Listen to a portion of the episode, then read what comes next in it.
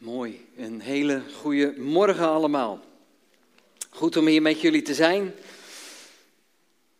Uh, eigenlijk al heel mooi, dankjewel Frank voor wat je met ons gedeeld hebt. Want het is eigenlijk een, je zou kunnen zeggen, een levend bewijs of een levend getuige van datgene waar ik het ook met jullie zo over wil hebben. Vanuit een stukje uit Romeinen hoofdstuk 5.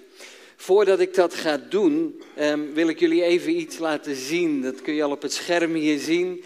Iets wat me nog niet zo heel lang geleden best wel uh, geraakt heeft ook. Ik denk dat we het allemaal nog wel kunnen herinneren. De aardbeving in uh, Turkije en het gebied van Syrië. En uh, een oud collega die heeft heel lang in Turkije, ook in dat gebied, gewerkt. Ze zijn nu verhuisd, werken in Japan. Maar hij stuurde dus vlak na die periode regelmatig updates. Um, over wat er gaande was, ook van contacten die hij daar nog steeds heeft. En zo af en toe stuurde hij daar wat, wat foto's bij. En je ziet daar twee foto's staan. De linkerfoto is, een, is eigenlijk is een foto van een kerkje.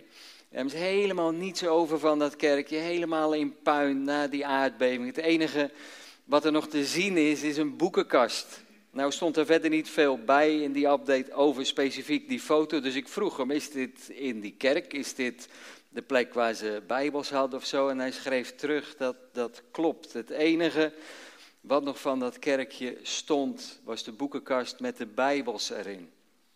Um, dat, dat raakte mij wel. Ondanks alle vragen die we erbij kunnen hebben, is het voor mij zo'n geweldig beeld van Gods trouw, dat ondanks alles hè, Gods woord stand houdt, dat Hij waarheid is. Het tweede plaatje wat je daar ziet is een, is een ander kerkgebouw. En er zijn maar heel weinig kerken in dat hele gebied. Er zijn sowieso weinig christenen in heel Turkije. En die kerk daar, de enige muur die nog staat van dat kerkgebouw wat er is, is de muur met het kruis erop. En ook dat is weer een bijzonder beeld, denk ik. Want in een land wat vergeven is van de minaretten, als je het, eh, het straatbeeld zou bekijken, zie je daar in een omgeving waar alles zo'n beetje ingestort is, nog één muur. En op die ene muur staat het kruis. En dat is een geweldig beeld van de overwinning die er is, ondanks de pijn, ondanks het verdriet, ondanks de ellende, ondanks de dingen waar we eigenlijk totaal geen antwoord op hebben. Dat we zeggen, Heer, hoe werkt dit allemaal? Hoe is het toch in vredesnaam mogelijk? Maar daarbovenop staat het kruis. En dat is zo'n geweldig beeld van de overwinning die is behaald. Jezus Christus, die is gekomen, die is gestorven voor al datgene wat niet goed is in deze wereld. Zodat we hoop hebben. Ondanks alles is daar die hoop. En hij deelde erbij, hij zegt, ik heb contact met een echtpaar dat eigenlijk uh, te midden van alles zo'n beetje alles is kwijtgeraakt. Uh, niets meer hebben. Het enige wat ze nog over hebben is hun hoop en hun vertrouwen op God. En dat delen zij met de mensen om zich heen die ook alles zijn kwijtgeraakt. En wat ze gedaan hebben is heel eenvoudig briefjes uitdelen. Met erop een bijbeltekst. En die bijbeltekst die zie je daaronder staan op het scherm. En dan lezen we twee versen uit Psalm 17. Daar staat: Als de Heere niet mijn helper was geweest, had mijn ziel bijna in de stilte gewoond. Was ik de hoop kwijtgeraakt. Toen ik zei: Mijn voet wankelt, ondersteunde uw goede tierenheid mij, Heere. Toen mijn gedachten binnenin mij zich vermenigvuldigden, verkwikte uw vertroostingen mijn ziel. En die deelden ze uit aan de mensen om hen heen de hoop die er is in God, ondanks alles. Konden zij ervan getuigen, maar we hebben houvast aan God. Hij is degene bij wie we terecht kunnen. En weet je, misschien hebben we niet te maken met fysiek en aardbeving hier, maar het kan best schudden in ons leven soms. We kunnen dingen meemaken die ingewikkeld zijn, die moeilijk zijn, waar we geen antwoord op hebben, waardoor het lijkt dat we alles kwijtgeraakt zijn in deze wereld. En toch mogen we dan houvast vinden bij wat hier staat. Toen ik zei, mijn voet wankelt, ondersteunde uw goede tierenheid mij, heren. Toen mijn gedachten binnenin mij zich vermenigvuldigden, verkwikte uw vertroostingen mijn ziel. Ondanks alles hebben we daar altijd houvast aan. Nou, daar wil ik vanuit Romeinen, hoofdstuk 5, iets uitgebreider nog bij stilstaan met jullie. Je mag er wel even bij opzoeken of meeluisteren. Romeinen 5, de eerste 11 versen.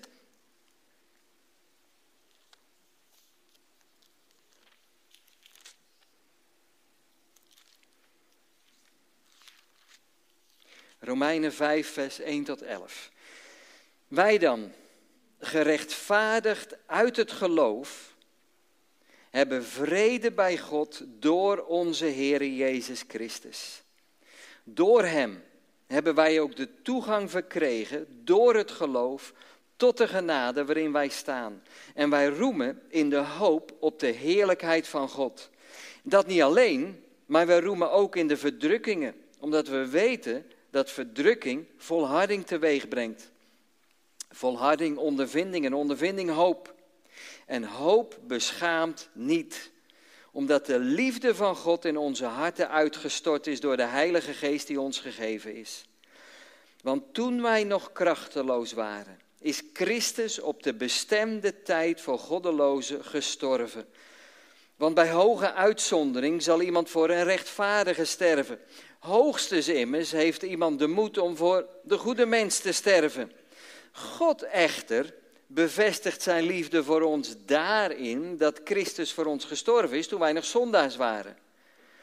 Veel meer dan zullen wij, nu we gerechtvaardigd zijn door zijn bloed, door hem behouden worden van de toren. Want als wij, toen wij vijanden waren, met God verzoend zijn door de dood van zijn zoon, hoeveel te meer zullen wij behouden worden door zijn leven, omdat wij verzoend zijn. En dit niet alleen, maar wij roemen ook in God door onze Heer Jezus Christus, door wie wij nu de verzoening ontvangen hebben. Tot zover dit stukje uit uh, Romeinen hoofdstuk 5. Ik heb voor mezelf bovengezet Gods bewijs van liefde of Gods bewijzen, Gods gunstbewijzen. En Paulus' brief aan de Romeinen is niet per se een hele eenvoudige brief om te lezen. Ik moet wel eens denken, en ehm, ik denk dat de meesten van ons ooit wel eens wat in de IKEA gehaald hebben. Um, ik ben niet de allerhandigste, dus als dat dan zo'n ingewikkeld bed is of zo'n kast, dan heb ik geen idee waar ik moet beginnen. Dus dan zie ik dat allemaal. Ik weet wel een beetje wat aan het deurtje zou zijn en wat de la wordt en, en noem allemaal maar op. Maar als ik dat boekje niet zou hebben, dan zou ik er echt niet uitkomen. Um, ik heb een schoonzoon, die gaat het eerst proberen en als het niet lukt, dan pakt hij het boekje erbij. Dat is ook niet altijd even handig, maar dat, dat boekje, dat helpt je om uiteindelijk van de eerste stap tot het einde te komen te zeggen, wauw, het is me toch gelukt. Zou ik ergens halverwege beginnen, dan komt het ook niet goed. En dan krijg ik misschien wel die la in mijn kamer, dan, dan wordt het verder niet wat. Ik zeg wel eens, dat is een beetje zoals de, de Romeinenbrief. Als je ergens halverwege begint, dan heb je wel een beetje een idee waar het over gaat. Maar hoe het nou precies in elkaar zit, dan moet je toch echt van het begin tot het einde lezen. Paulus die is bezig om iets heel moois op te bouwen. En ons iets geweldigs duidelijk te maken. En hoe meer we daarin lezen, hoe duidelijker het wordt, hoe beter ons beeld wordt van datgene wat Paulus duidelijk wil maken. En dat is eigenlijk een hele complete uitleg van het evangelie. En Paulus die, die vertelt natuurlijk best veel in de andere brieven die hij geschreven heeft. En vanuit handelingen leren we van Lucas over dingen die Paulus gedaan heeft en over dingen die hij onderwezen heeft. Maar het zijn allemaal gedeeltes. Zo hier vertelt hij daarover en daar vertelt hij daarover. En afhankelijk van de gemeente gaat het meer of minder over bepaalde dingen. Maar als je de brief aan de Romeinen leest, ja, dan is dat een geweldige opbouw, een geweldig argument over het evangelie. En dat valt dan allemaal op zijn plek. Nou, de gemeente in, in Rome, daar was Paulus zelfs nog nooit geweest. Het was uh, een gemeente die hij die zin niet heel persoonlijk kende. Nog wel mensen die daarin zaten, maar niet de gemeente zelf. Uh, de volgelingen van de Heer Jezus, in de gemeente in Rome bestonden uit heidenen en uit Joden. En dat maakte de zaak nog weer wat ingewikkelder.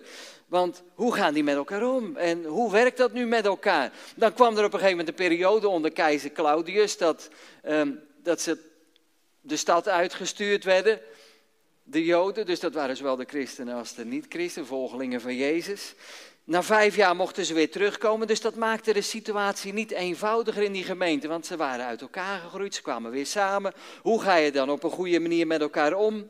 Dus een belangrijke reden voor Paulus, voor het schrijven van deze brief, was om duidelijk te maken dat het evangelie een eenheid vormt tussen Joden en heidenen. We worden allemaal volgelingen van Jezus. Geen verdeeldheid. En dat God dit in zijn heilsplan vanaf het begin zo bedoeld heeft.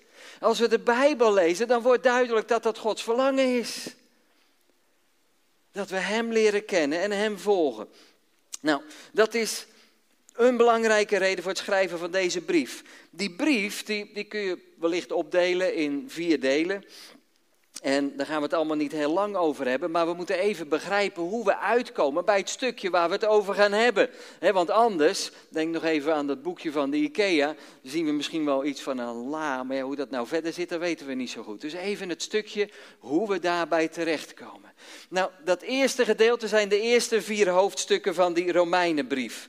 En die vier hoofdstukken gaan er uiteindelijk over dat Paulus zegt: het evangelie openbaart Gods rechtvaardigheid. God is een rechtvaardig God. In hoofdstuk 1 maakt hij dan duidelijk: de hele mensheid is verstrikt in de zonde en moet worden gered. Dat is duidelijk. Dat zien we om ons heen. We hebben het nodig. Johan deelde erover. OM wil daar graag een steentje aan bijdragen. De mensheid heeft het nodig gered te worden. Hoofdstuk 2, het proberen te gehoorzamen van de wet, biedt geen redding. ons proberen te houden aan de regels en aan de wet lukt niet. Ook daar zijn we allemaal wel van overtuigd. Dan hoofdstuk 3. Het is Gods rechtvaardigheid die de wereld redt door Jezus Christus. Als het de wet niet is, dan moet het wat anders zijn. Daarvoor is Gods Zoon, de Heer Jezus Christus, naar deze wereld gekomen. Dan hoofdstuk 4. Door het geloof in Gods rechtvaardigheid, het offer van Jezus Christus voor onze zonde, ontstaat er een hele kleurrijke familie. Met mensen uit alle stammen, naties, talen, achtergronden. Kijk zelfs maar om je heen. We zijn een kleurrijk gezelschap. Allemaal mensen die er anders soms over nagedacht hebben, uit andere achtergronden komen. En dan zegt Paulus, dat roept op tot een andere manier van leven. Als we Jezus leren kennen, dan verandert ons leven radicaal. Nou, de vraag die boven komt drijven als we die eerste vier hoofdstukken gelezen hebben, wat betekent dat dan in het hier en nu? Wat moet ik daarmee? Wat betekent dat, dat mijn leven veranderd is? Nou, Paulus die gaat dat dus verder uitdiepen in de volgende hoofdstukken, 5 tot en met 8. En dat brengt ons bij het stukje wat we net gelezen hebben. hoofdstuk 5 tot 8 legt hij uit dat er een nieuwe mensheid is. En wat betekent dat dan? Waar wordt dat zichtbaar? Nou, vanmorgen um, gaan we erover kijken dat geloof hervormt alle onderdelen van ons leven. Het wordt allemaal anders. En eigenlijk zou je kunnen zeggen, het kerngedeelte vind je in vers 8. God echter bevestigt zijn liefde voor ons daarin dat Christus voor ons gestorven is toen we nog zondaars waren.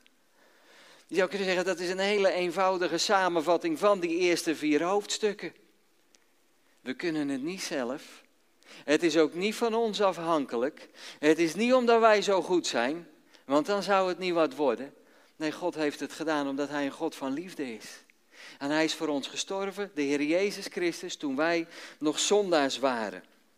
Nou, hoe past dit nou verder in het gedeelte waar we mee bezig zijn? En we gaan gewoon eens kijken naar een aantal dingen die Paulus hier benoemt. De eerste die we zien staan als we dat eerste vers hebben, wij dan. En hij ziet direct dat die focus op ons gericht wordt. Hij begint dat nieuwe gedeelte door het heel dichtbij te brengen. Dit gaat over ons die geloven.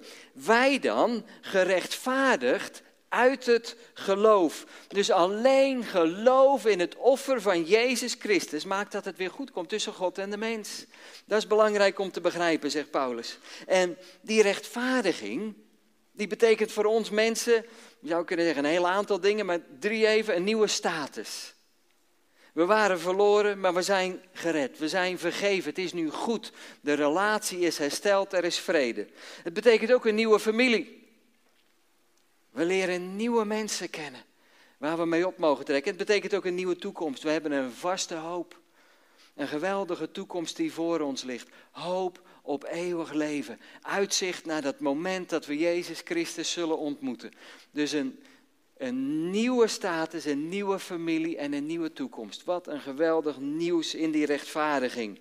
Nou, wij dan, gerechtvaardigd uit het geloof, hebben. En Gods bewijs van liefde wordt tastbaar in wat Hij ons schenkt door het geloof.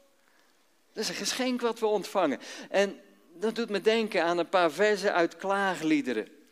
Klaagliederen 3, en daar is Jeremia. En Jeremia die ziet de puinhopen van Jeruzalem. Het volk is in ballingschap. En hij kan niet anders dan in tranen uitbarsten, zou je kunnen zeggen. Hij zegt, dit is er van over.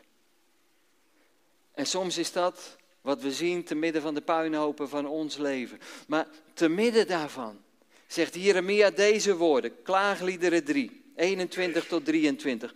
Toch geef ik de hoop niet op, want hieraan houd ik vast.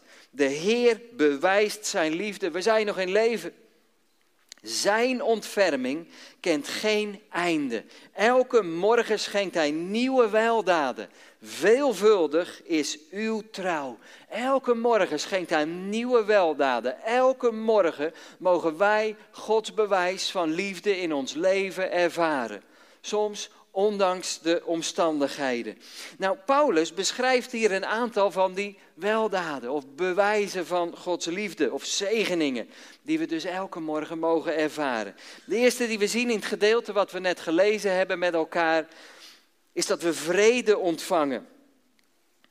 Wij dan, gerechtvaardigd uit het geloof, hebben vrede bij God door onze Heer Jezus Christus. En als wij aan vrede denken, dan denken we al heel gauw aan het, het, niet meer aanwezig zijn van conflict of de afwezigheid ervan of oorlog die er niet meer is. We hopen dat er vrede komt. Dus dat betekent dat eh, twee partijen vrede sluiten. Nou, we kunnen heel veel oorlogen die er in deze wereld zijn zomaar opnoemen.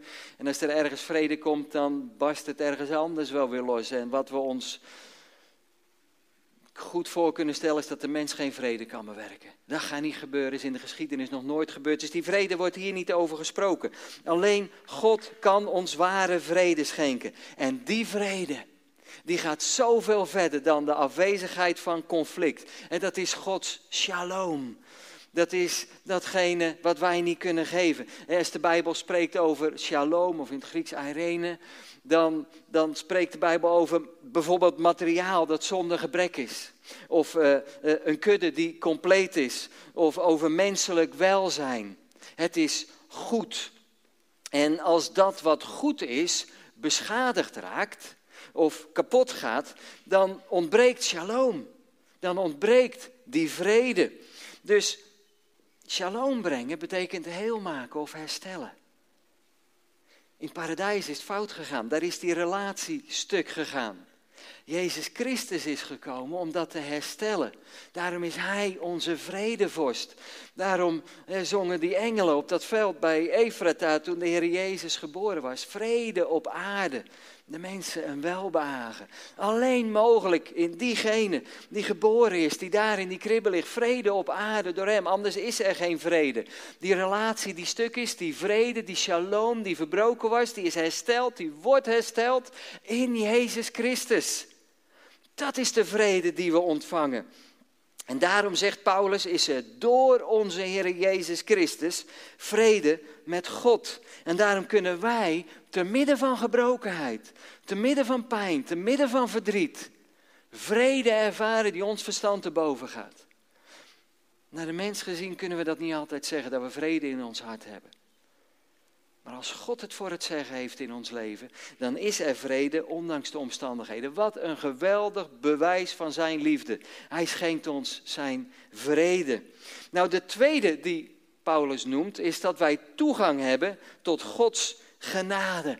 Paulus die zegt hier, de deur tot Gods genade, die staat wagenwijd open. Dit in tegenstelling tot dat wat Paulus eerder duidelijk gemaakt heeft in hoofdstuk 3. Want alle hebben gezondigd En missen de heerlijkheid van God. Je zou kunnen zeggen, die hebben geen toegang tot de heerlijkheid van God, omdat we gezondigd hebben. De heiligheid van God en de zondigheid van de mens gaan niet samen. Dat werd al duidelijk met de bouw van de tabernakel in de woestijn en later de tempel in Jeruzalem. En daar was het heilige der heiligen. Je zou kunnen zeggen, die plek waar God het dichtst bij de mens is. Maar daar mocht geen mens komen, behalve één, de hoge priester, die één keer per jaar daar naar binnen toe mocht gaan. Om verzoening te doen voor het volk. Eén keer per jaar mocht hij door dat voorhangsel heen. En anders niet.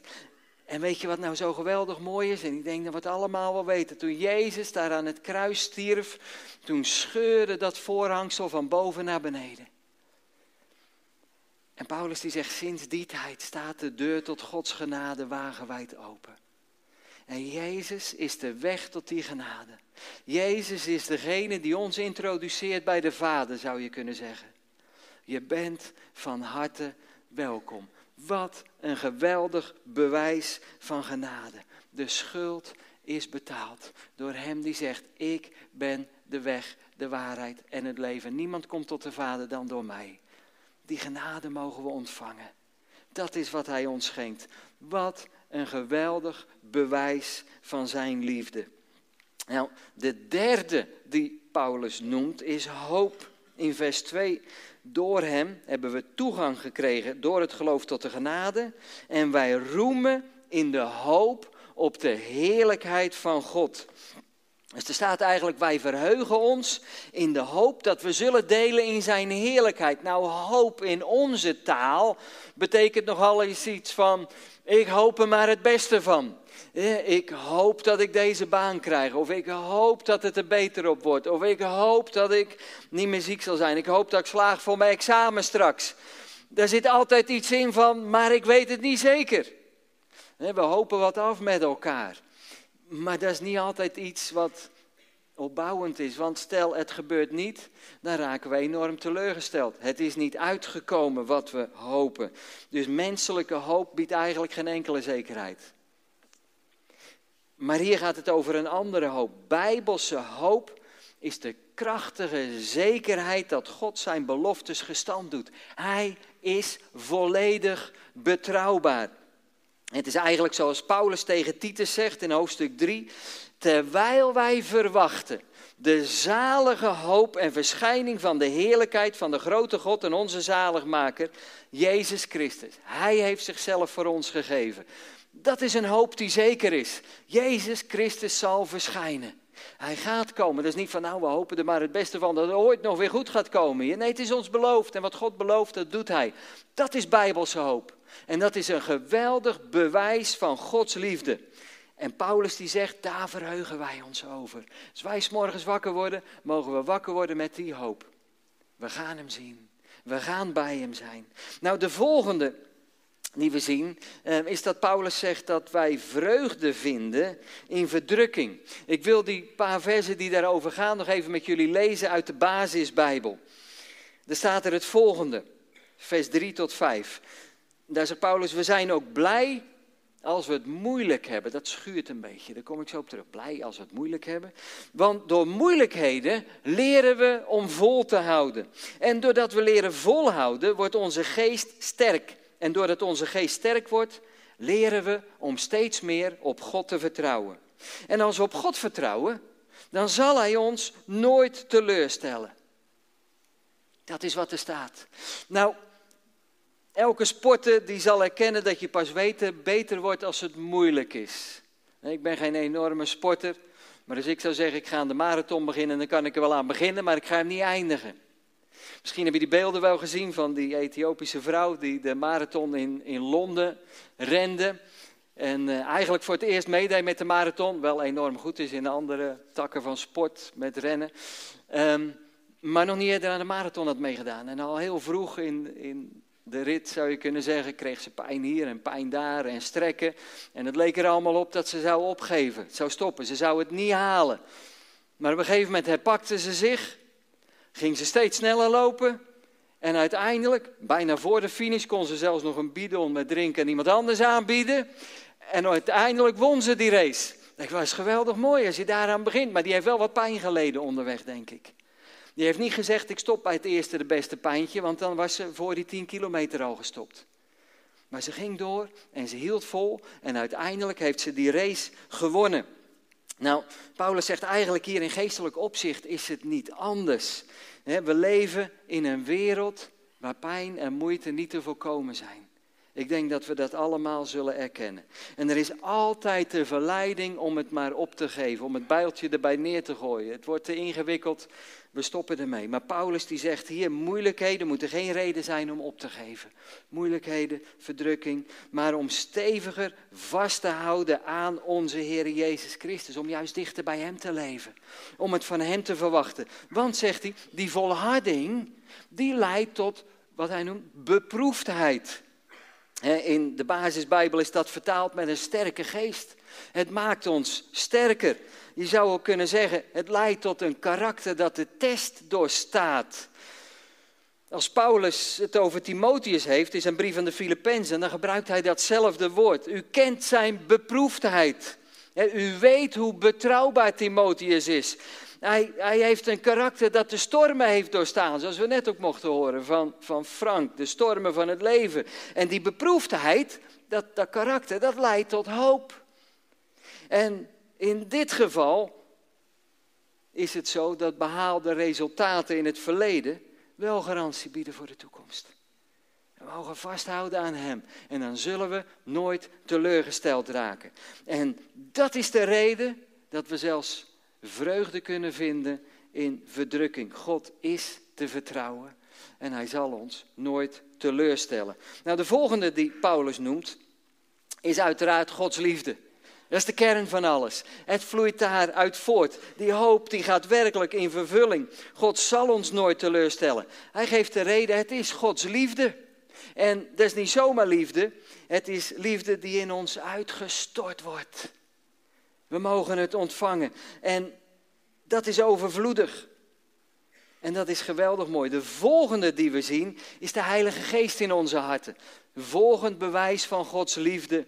Het is de Heilige Geest die ons vervult en die ons die liefde doet ervaren als het ware. Liefde is niet zo grijpbaar en soms Soms weten we niet altijd, Heere God, waar, waar, waaraan merk ik dan dat u liefde bent? Als het dit gebeurt en als het dat gebeurt, en vul het voor jezelf maar in. Maar dan is het juist Gods geest die onze harten en onze gedachten en onze ogen weer opent voor wie God is. Zodat we het van Hem mogen verwachten en van niemand anders. En daar zegt Paulus dan ook, die liefde is daarin bewezen dat Christus voor ons gestorven is toen wij nog zondaars waren. Nou, dat plaatst hij eigenlijk tegenover die mens die, die zegt van ja, nou misschien dat ik mijn leven zou geven voor iemand waar ik van hou, waar ik heel dichtbij sta, maar toch zeker niet voor die of voor die of voor die. En hier zegt hij, nee, dat, dat is geen onvoorwaardelijke liefde. De liefde die God ons geeft, is niet omdat we het verdiend hebben. En de Heilige Geest laat ons die dingen zien. Wat een geweldig bewijs van liefde. Nou, de volgende eh, die genoemd wordt, is dat wij behouden zijn van Gods toren. Dus eigenlijk gered van Gods oordeel. Door het sterven van Jezus Christus zijn wij gerechtvaardigd en verzoend met God. En dan staat er hoeveel te meer zullen we nu we verzoend zijn met God deel hebben aan zijn heerlijkheid. Want dat is wat het betekent om behouden te zijn van Gods toren. Wij hebben deel aan zijn heerlijkheid. Gods liefde gaat uit naar de hele schepping. Johan die zei het net al. Jezus Christus is niet alleen voor onze zonde gestorven, maar voor die van de gehele wereld. Maar dat betekent ook dat de mens Gods liefde kan afwijzen.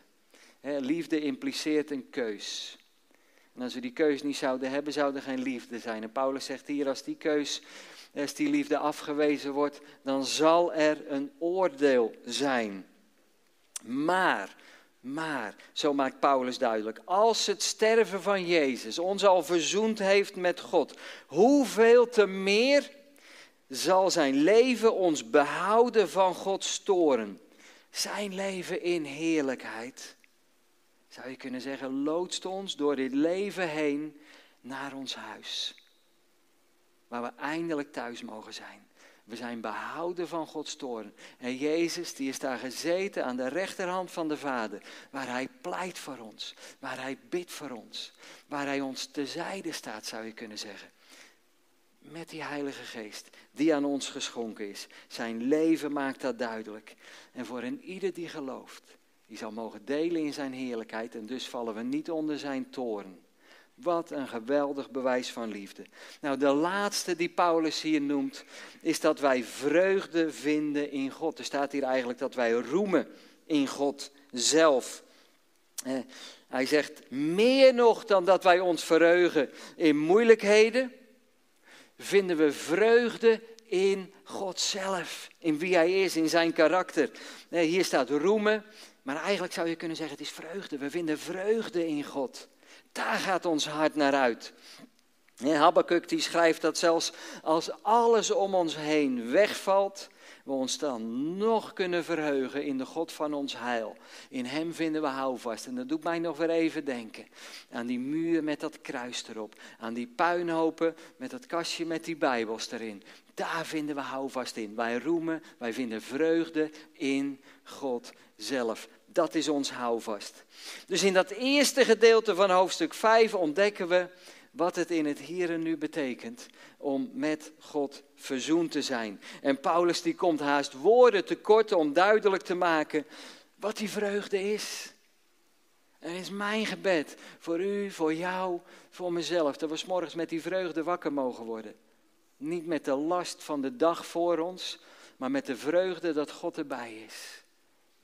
Te midden van alles wat we ervaren. Want elke morgen schenkt Hij nieuwe weldaden. Als er onrust is, dan mag je bidden voor zijn vrede, voor zijn shalom in je leven. Proberen we het wel eens in eigen kracht? Laat het los. Want weet dat die deur van genade wagenwijd open staat. Ben je teleurgesteld? Door wat dan ook? Grijp de hoop dat Jezus Christus nooit teleurstelt. Heb je het moeilijk?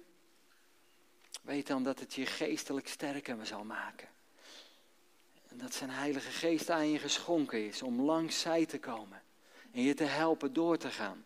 Vol te houden. Niet op te geven. Twijfel je wel eens of het ook echt wel voor jou is?